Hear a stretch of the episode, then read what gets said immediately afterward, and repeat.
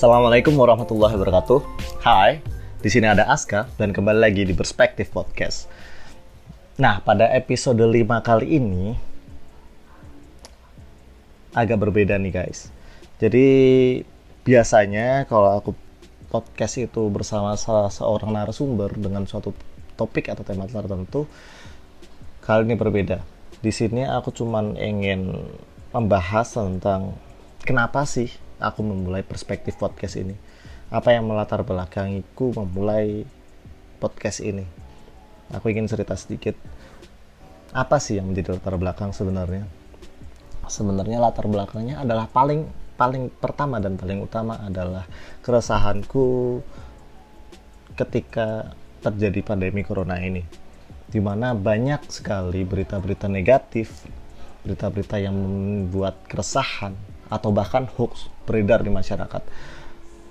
Mulai dari di sosial media mulai dari sampai broadcast sampai ke grup-grup arisan grup emak-emak grup keluarga bahkan gitu kan dan juga di media-media nasional yang menyebarkan ya sebenarnya fakta cuman beritanya itu bernotasi negatif yang akhirnya masyarakat itu yang nggak siap menerima kenyataan seperti itu. Mereka resah. Dan banyak sekali menyebabkan ya cukup banyak kekacauan yang terjadi di masyarakat. Seperti kayak terjadi panic buying gara-gara mereka tuh panik terlalu panik mereka terlalu khawatir terhadap kondisi yang ada sekarang ini. Mereka overthinking.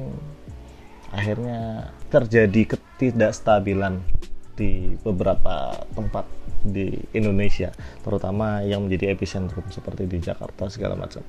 Cuman sekarang mungkin it's going better Alhamdulillah. Nah balik lagi.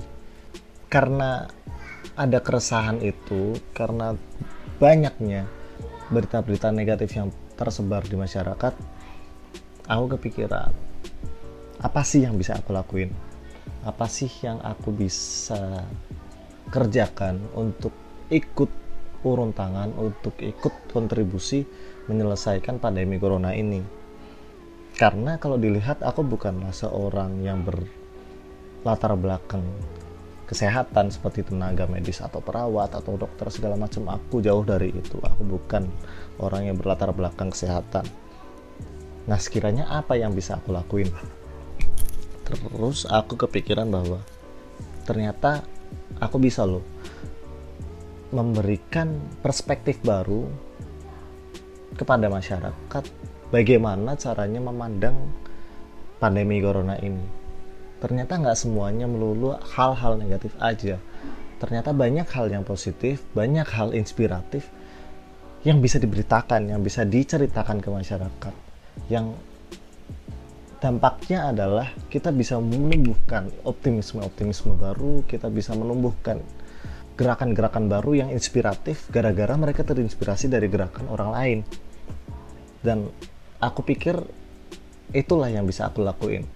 Ya meskipun ke depannya harapanku adalah podcastku ini aku nggak cuman bercerita tentang corona, bercerita tentang segala hal, tentang everything tapi dari perspektif atau sudut pandang yang lain yang jelas sih in a positive way in a positive perspective. Tapi concernku di awal ini aku akan membahas tentang serial corona.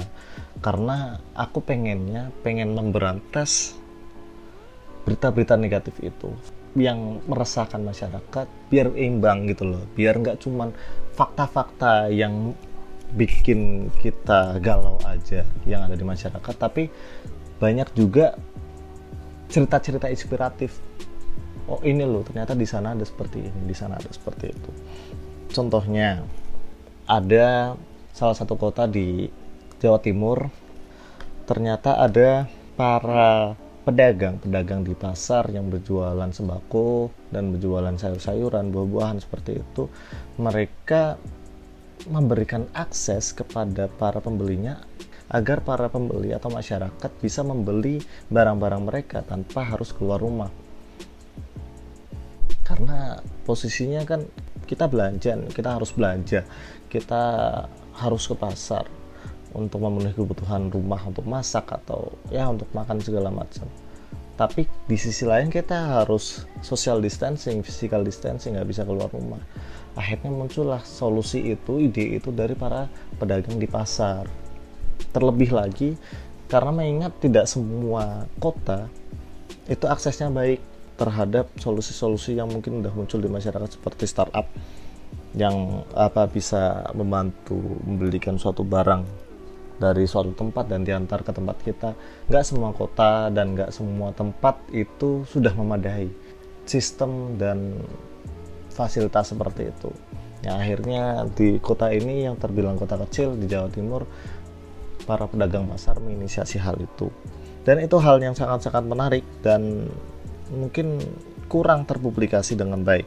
Dan sebenarnya langkah seperti itu bisa juga dilakukan sama para pedagang pasar atau stakeholders yang lain yang sekiranya bisa menjembatani kebutuhan itu agar orang yang di rumah itu bisa fully social distancing daripada mereka harus keluar apalagi ke pasar gitu kan sangat-sangat rawan. Nah, aku ingin mengajak kita melihat suatu isu itu dari kacamata yang berbeda, dari sisi positifnya kalau di Islam kita mengatakan hikmah kita melihat hikmahnya apa sih dari adanya pandemi ini kalau kita lihat nih misalnya di masyarakat yang bikin aku senang adalah banyak orang yang mulai gotong royong mulai saling membantu tolong menolong menolong orang lain sesuai dengan kapasitas dan kemampuannya. Ada yang membuat donasi, ada yang dia kapasitasnya bisa berdonasi karena uangnya banyak dia berdonasi, ada yang bisa membagikan masker gratis karena dia punya konveksi misalnya, ada orang yang uh, influencer menggalang dana karena dia memiliki pengaruh yang besar di masyarakat, ada juga tenaga medis yang membuka konsultasi gratis dan lain sebagainya. Banyak orang yang saling gotong royong, saling membantu yang tanpa peduli lagi siapa dia, rasnya dia itu apa, rasnya dia itu apa, dia itu strata sosialnya seperti apa dan segala macam. Orang-orang udah tidak peduli lagi terhadap itu. Sekarang orang peduli uh, menghadapi musuh bersama yaitu bagaimana caranya kita menuntaskan virus corona ini, pandemi corona ini secepat mungkin agar tidak mengacaukan siklus kehidupan dan ekonomi Indonesia berangsur-angsur lamanya. Itu, misalnya hikmahnya seperti itu. Atau ada lagi nih, dosen-dosen atau guru-guru yang tadinya gaptek, akhirnya mereka harus belajar bagaimana caranya menggunakan gadget yang baik, menggunakan sosial media yang baik, menggunakan tools-tools yang bisa digunakan untuk kelas online karena mereka harus secara paksa shifting nih yang tadinya ngajarnya itu offline semua harus online semua sekarang. Guru-guru itu teaching from home ngajar dari rumah siswa-siswi itu belajar dari rumah. Dan akhirnya mereka berdua siswa, siswi dan guru itu belajar bagaimana caranya mengoperasikan sosial media dengan baik dan di jalan yang tepat nggak cuman untuk main-main aja tapi banyak loh sisi produktif yang akhirnya bisa dimanfaatkan dan juga akhirnya kan banyak inovasi-inovasi yang muncul. Oh ternyata aku bisa loh uh, ngadain kelas online. Banyak komunitas-komunitas yang ngadain kelas online yang berbagi segala macam menggunakan aplikasi-aplikasi call apa ya video conference dan segala macamnya. Oh ternyata bisa loh seperti ini. Ternyata aku bisa loh ngadain seperti itu. Akhirnya banyak inovasi baru akhirnya banyak gagasan-gagasan dan ide baru yang muncul ya karena terpaksa. Ya mungkin ini ya kayaknya yang dikatakan uh, kalau kepepet tuh banyak ide yang mungkin ini bisa ditempat, ditempatkan di sini sih bisa sih kayaknya. Bukan bukan menunda tugas gara-gara biar ngerasa kepepet terus idenya muncul banyak kayaknya. Ya nggak masuk lah kalau gitu kalau menurut kalau menurutku mah. Kecuali emang waktunya adanya cuma waktu itu aja bukan menunda atas dasar keinginan mereka sendiri. Nah terus banyak lah banyak terobosan-terobosan baru yang muncul gagasan dari perusahaan-perusahaan startup segala macam yang tadinya nggak pernah kepikiran oh ternyata bisa lo melakukan membuat device seperti ini.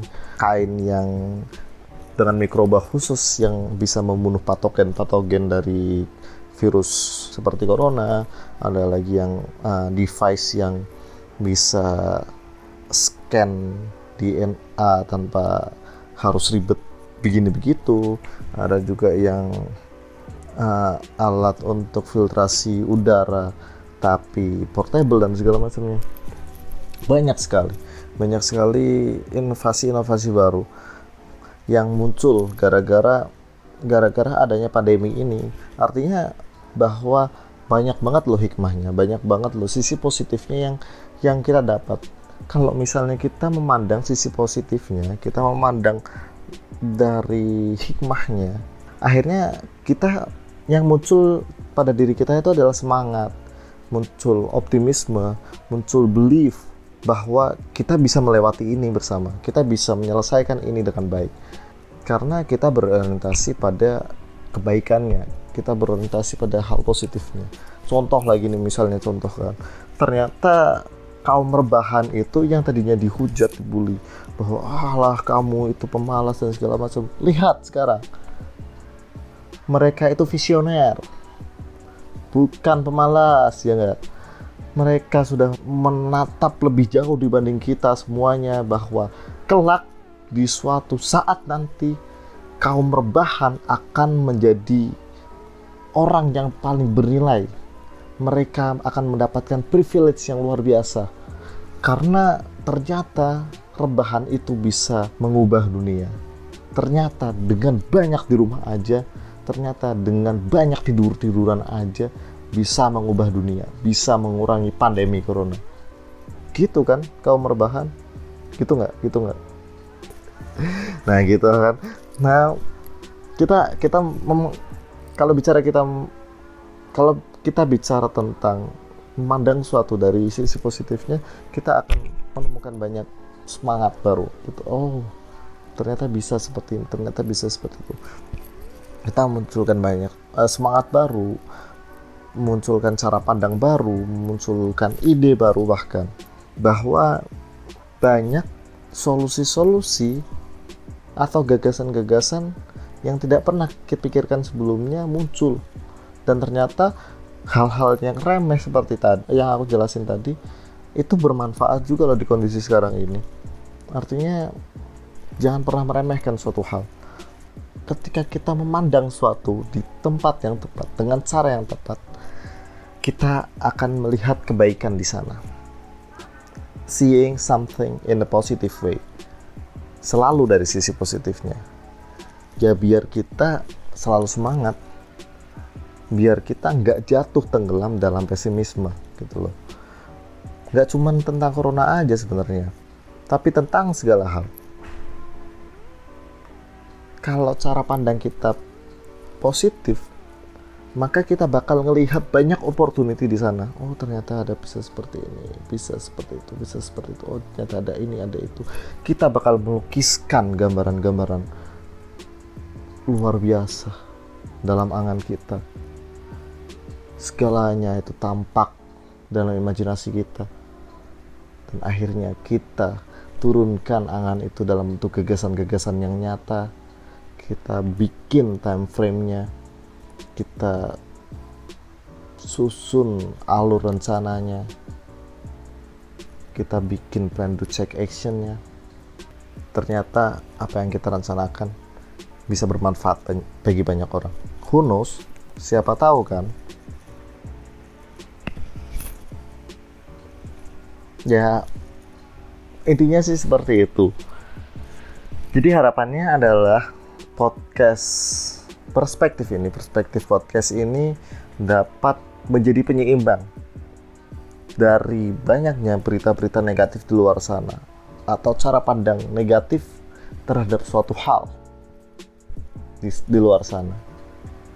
Agar muncul semangat baru agar muncul optimisme baru dan kita gejot terus kita kasih terus insight positif dari dari suatu hal. Kita munculkan sebanyak mungkin insight positif dari suatu hal.